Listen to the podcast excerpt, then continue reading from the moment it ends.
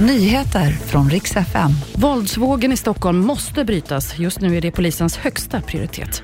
Och ett av Sveriges största kändispar separerar efter över 30 år. Ja, våldsvågen i Stockholm måste brytas. Det här är högsta prioritet hos Stockholmspolisen just nu. Och nu inleder polisen det som kallas för en särskild händelse.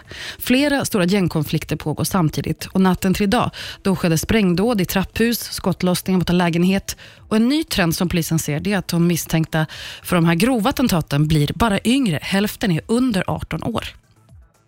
Mobiloperatören Telenor larmar om störningar, rapporterar GP. Flera sms har hamnat hos fel mottagare. Till exempel har folk fått felaktiga sms som bekräftar Linas matkasse eller inloggningsuppgifter till en vårdcentral. Telenor verkar precis ha fått den här informationen om problemet och tittar nu på vad som har hänt.